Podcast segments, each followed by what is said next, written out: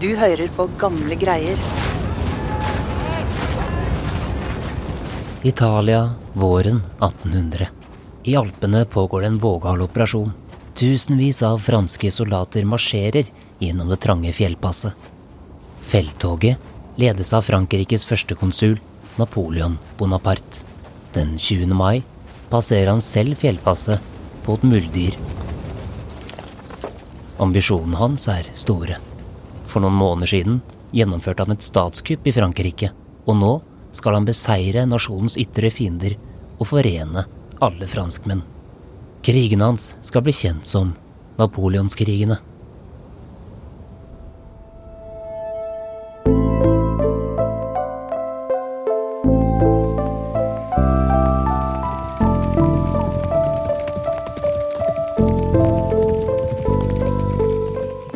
Er ikke bare Napoleon som har ambisjoner.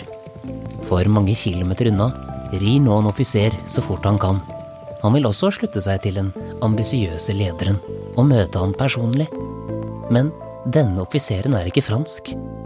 Han er fra Norge. Og sammen med Napoleon skal den norske offiseren delta i marsjen over Alpene og kjempe i et storslag som ble langt mer katastrofalt enn han og Napoleon var forberedt på. Det vi forbinder med napoleonskrigene, er jo det vi ser på disse flotte maleriene.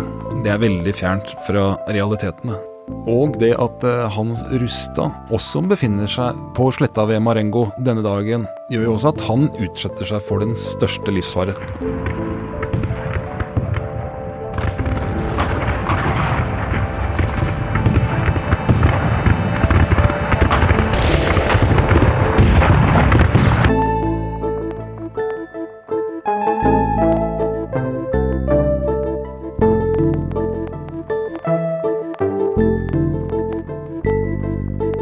Velkommen til Gamle greier, podkasten hvor vi her på Nasjonalbiblioteket gir deg historier fra samlingen vår. Mitt navn er Lars Hammeren Risberg.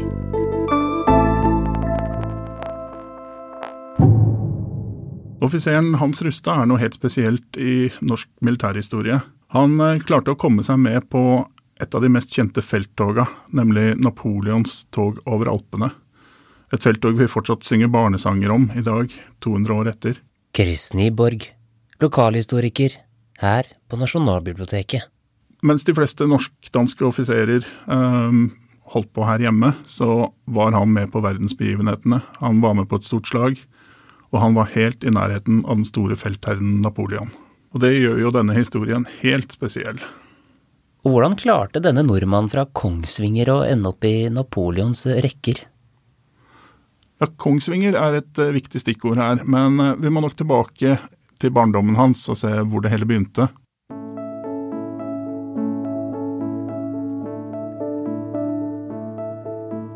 Hans Rustad vokste opp på en gård som het Rustad, Nordre Rustad, rett utafor Kongsvinger. Ikke den største og ikke den minste gården.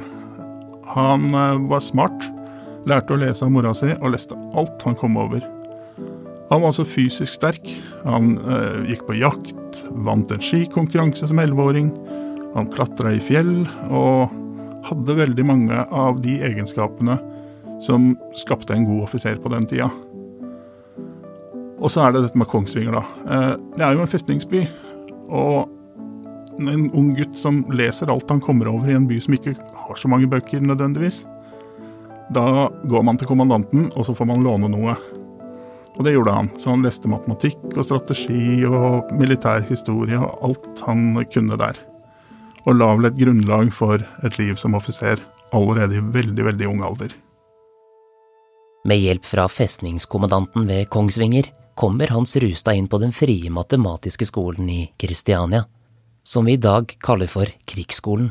Og snart oppdager Rustads lærere at gutten har flere talenter. Og en av tingene de la merke til, var at han var så flink til å tegne. Og den gangen så var det utrolig viktig for en offiser. Eh, man hadde jo ikke gode nok kart over eh, alle steder man skulle gjøre et eller annet.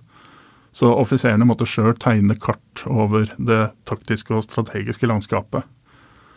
Han hadde altså alle talenter på plass, egentlig, til å lykkes med offisersutdanninga. Men Norge var jo ikke stort nok for Rustad, for han reiser videre og tar utdanning i København. Var dette vanlig hvis man hadde veldig høye ambisjoner i unionstiden? Ja, vi er jo fortsatt på 1700-tallet. Norge er en del av Danmark. Uh, og det er ingen tvil om at København er byen, stedet. Det er der alt virkelig skjer når du skal nå toppen. Enten det er politikk eller militære eller hva det måtte være. Så han uh, gjør det så bra uh, i Kristiania at han får muligheten til å reise videre til København og ta mer militærutdanning der. Og i Kongens stad så begynner han på artilleriutdanning. Det var ganske viktig og skulle vise seg å bli ekstra viktig litt senere i historia. Og en som kan opplyse oss mer om det, det er deg, Harald Høybakk, oberstløytnant og nestkommanderende ved Forsvarets museer. Rustad tar nå artilleriutdanning i København, en utdannelse som også en viss Napoleon Bonaparte hadde på CV-en. Hvilken rolle spilte artilleri, altså kanoner, på slagmarken, i motsetning til eh, infanteri og kavaleri? På denne tiden så var artilleriet veldig viktig, eh, men det hadde vært en teknologisk utvikling over flere hundre år. Eh, når vi ser første gangen artilleriet blir brukt i Europa, så, så brukes det kun til beleiring. Altså, da er vi på det sene 1400-, tidlig 1500-tall, for da er de så tunge at du kan ikke flytte de i praksis. Men på 1700-tallet så har teknologien kommet så langt at de er lettere å flytte, både med hest og, og for hånd under slagets gang. Så Napoleon han la veldig stor vekt på kanoner. Han var sjøl utdanna artillerist. Og han brukte også, og ble berømt for å bruke kanoner i Paris gater for å slå ned opprør. Så for han så var kanoner viktig. Mine vakre jenter, som han kalte de.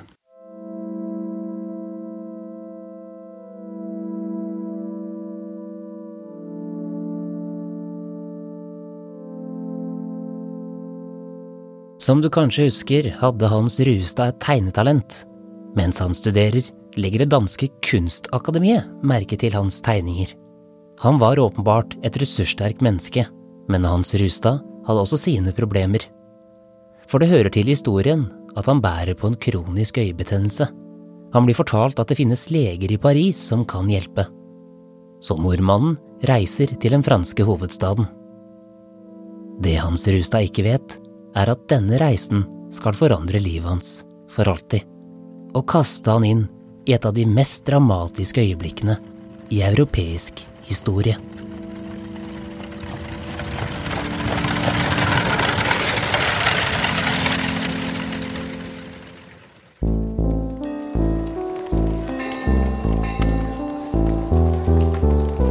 I 1789, altså sånn rundt ti år før, så hadde jo Frankrike blitt snudd på huet i den store revolusjonen.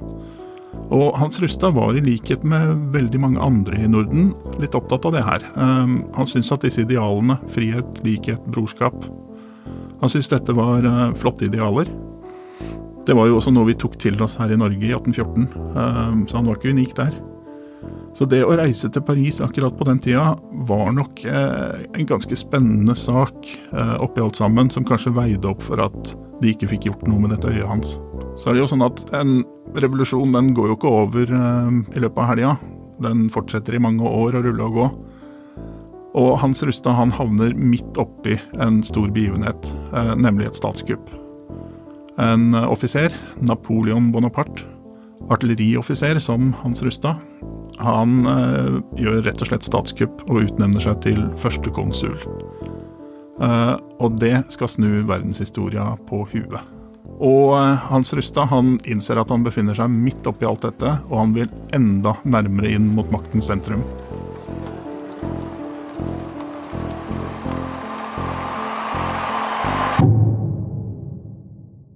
Så hva konkret er det han gjør? Han søker rett og slett audiens hos førstekonsulen. Um, og på det tidspunktet så, så hadde jo Napoleon knytta til seg så mye dyktige folk. Han hadde vel god kontroll, um, og allikevel så våger da denne karen fra Kongsvinger å si at uh, ja, men meg trenger du også å snakke med. Og så klarer han å legge fram et forslag om å bli uh, kronprins Fredrik av Danmark-Norge sin observatør uh, under felttoget som skal komme.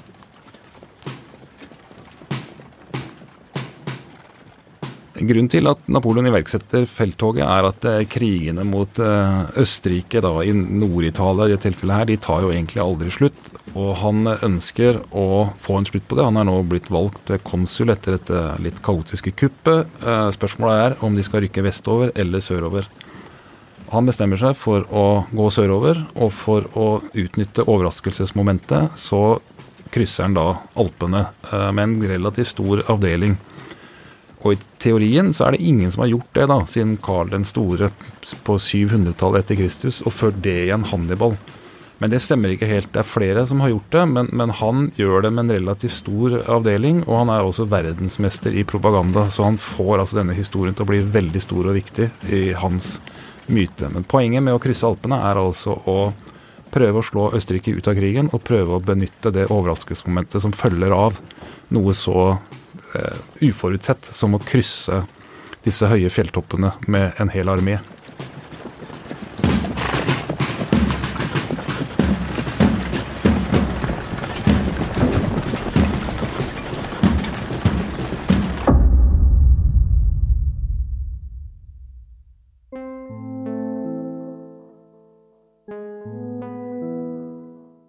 På grunn av en rekke byråkratiske formaliteter blir Hans Rustad holdt igjen i Paris, mens Napoleon og hans enorme hær begynner marsjen. Det skal gå over en uke før nordmannen får lov til å dra. Ettersom han ligger flere dager bak skjema, rir Hans Rustad av gårde med en fransk kurer så fort han bare kan for å ta igjen Napoleon og be om en offiserstilling til felttoget.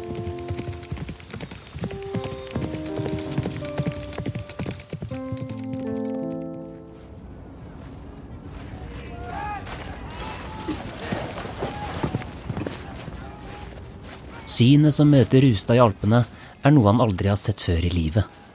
På smale veier ser han tusenvis av franske soldater i blå uniformer som strever med å frakte kanonene over fjellpasset. Veien er så smal at det ikke er mulig å bruke hestene. Kanonene blir derfor plassert på uthulte trestammer som trekkes oppover bakkene av fotsoldatene og offiserene. Det franske artilleriet er såpass tungt at hver enkelt kanon må trekkes av opptil 600 mann. Hans Rustad foreviget dette øyeblikket i sin dagbok. Dels for å oppmuntre troppene, og dels for å hjelpe vogntoget ut av de vanskeligste passasjene, så man ofte store grupper av offiserer delta i arbeidet. Særlig så vi blant dem alle offiserer fra en halvbrigade, som utmerket seg ved å trekke et par åttebundskanoner over én mil gjennom den vanskeligste passasjen. Det er jo vanskelig i dag helt å se for seg hvordan det var, men i mitt hode så er det to kontraster her. Det ene er 1812, når han, Napoleon rykker mot Moskva. Da ser vi for oss denne inferno i hvitt. Altså snøstormer, frostskader, fryser i hjel. Altså fullstendig helvete på vinterstid. Kryssing av Alpene ser jeg for meg er mer en eh, påsketur. Uh, han er heldig med været. Vi er i mai, altså sola begynner å steke. Uh, vi ser disse høye, hvite fjelltoppene med snø. Ganske idyllisk ser jeg for meg at det er. Fjelltoppene er på 2500 meters høyde, så det er omtrent som norsk natur. Se for deg Lyngsalpene, veldig bratt og trangt, men nå skal gutta ut på tur. Det som skiller de fra en påsketur, er for det første at de har med seg mye utstyr kanoner. Og det er, veldig, det er glatt oppover, det er trangt. På det trangeste kan det være et par meter. Når de kommer over toppen, så kan man kanskje puste letta ut, men da viser det seg at det er enda brattere ned på italiensk side. Så det er altså enda tyngre. Og Napoleon sa før han dro at der to mann kan sette sin fot, der kan også en armé komme frem. Og på det trangeste her så var det par meter. Og det var først på 1900-tallet at man fikk en vei over dette området.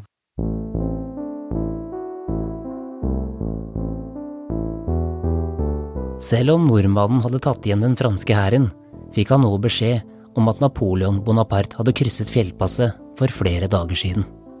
Dermed dro han videre for å nå den unge førstekonsulen. Da Hans Rustad kommer ned fra fjellpasset, når han Napoleons midlertidige hovedkvarter nede i Asotadalen. Vi vet ikke hvor mye Hans Rustad snakket med Napoleon Bonaparte, men vi vet at nordmannen ble tatt godt imot og utnevnt til artillerikommandant. Felttoget blir mer dødelig for hver uke som går. Trefningene med østerrikske styrker gjør fremgangen ekstra krevende for Napoleon. Dette skal bli en forsmak på et langt større og avgjørende slag som Hans Rustad snart skal stå midt oppi.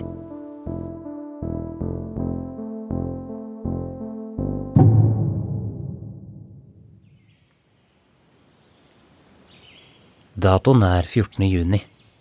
Etter flere dager med regn starter denne sommerdagen med klar, blå himmel. Napoleon jakter på den østerrikske hovedhæren. Han vet at den er i området. Problemet er at han ikke vet hvor, så han må ta et valg. Skal han dele opp hæren i to, sende de i hver sin retning for å finne østerrikerne, eller ha tålmodighet og avvente? Napoleon lander på det første valget og deler opp hæren. Det skal bli et katastrofalt trekk.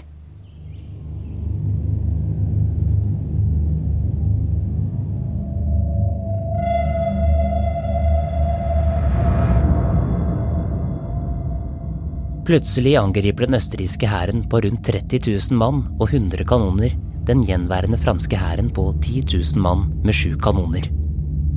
Det blir et blodbad.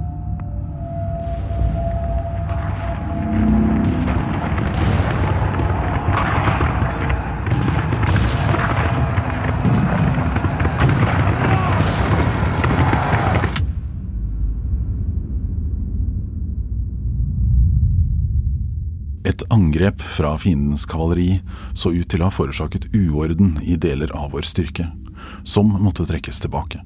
Uansett skjedde dette etter omstendighetene i så ordna former man kunne forvente.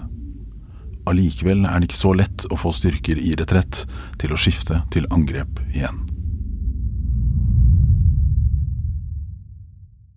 Det vi forbinder med napoleonskrigene, er jo det vi ser på disse flotte maleriene. Eh, fine uniformer, eh, ofte godt vær, eh, god stemning. Det er veldig fjernt fra realitetene. Man kan forestille seg at man står på et slagfelt. Man står oppstilt som en av mange hundre, kanskje mange tusen. Rett overfor deg, 50 meter, 100 meter, så står det noen som ligner på deg sjøl, men som skyter på deg med håndvåpen. Og litt lenger bak der så står det noen og skyter på deg med kanoner. Og når som helst så kan de altså bli angrepet av eh, hester, eh, kavaleri. Bakken rister. Etter hvert så legger kruttrøyken seg over slagfeltet, som gjør at du ikke ser noe særlig. Etter hvert så hører du ikke noe særlig heller, fordi at eh, braket fra kanonene, skriket fra alle de som etter hvert begynner å bli såra, gjør at man hører veldig lite. Og det er de som er på stedet, underoffiserer og andre, som må prøve å holde dette samla og prøve å møte de ulike truslene som kommer fra ulike retninger. Et fullstendig kaos. Og det at eh, Hans Rustad også befinner seg på sletta ved Marengo denne dagen, gjør jo også at han utsetter seg for den største livsfare.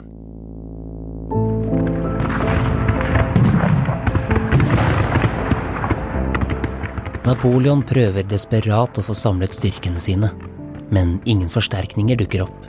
Nederlaget er et faktum. Selv den østerrikske kommandanten forlater slagmarken i god tro om at seieren er vunnet. Så skjer det noe. Da slaget egentlig er over for Napoleon, kommer de franske forsterkningene tilbake etter å ha hørt kanonsalvene langt unna.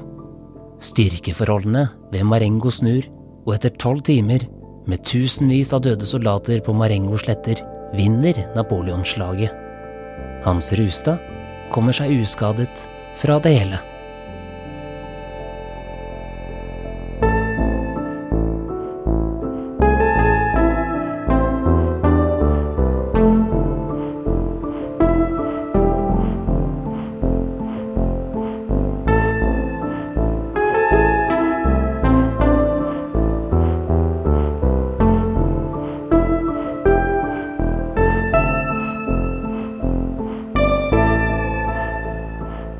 Det er altså veldig små marginer. eh, men det er altså typisk egentlig Napoleon dette òg. Veldig høy risiko.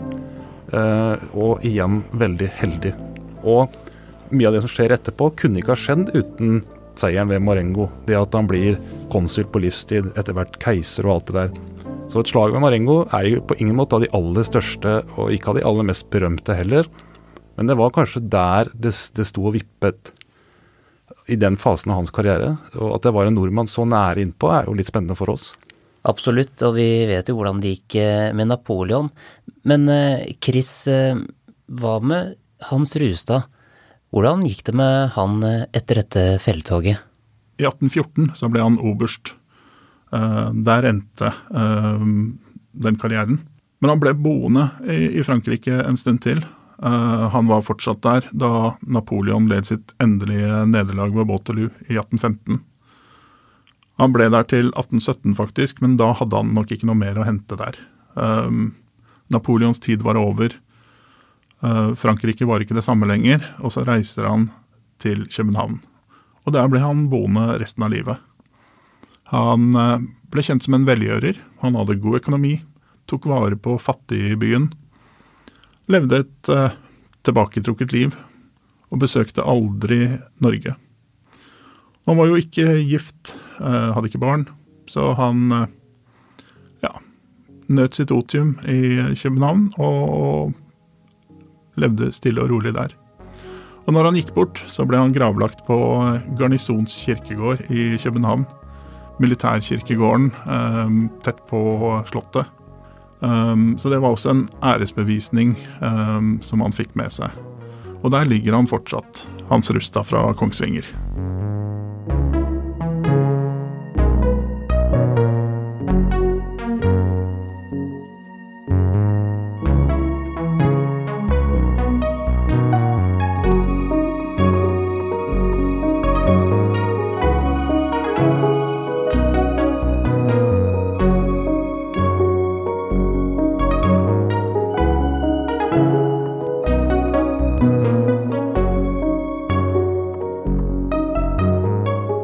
Lese mer om Hans Rustad i boken Under fremmede flagg av Carl Jakob Skarstein.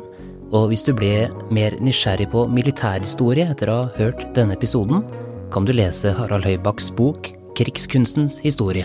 Du finner begge bøkene i samlingen vår på nb.no. Musikken du hørte i denne episoden, og som du hører akkurat nå, er skrevet og produsert av Therese Aune. Du finner mer av hennes musikk på thereseaune.com eller der du strømmer musikk til vanlig. Mitt navn er Lars Hammeren Risberg. På gjenhør.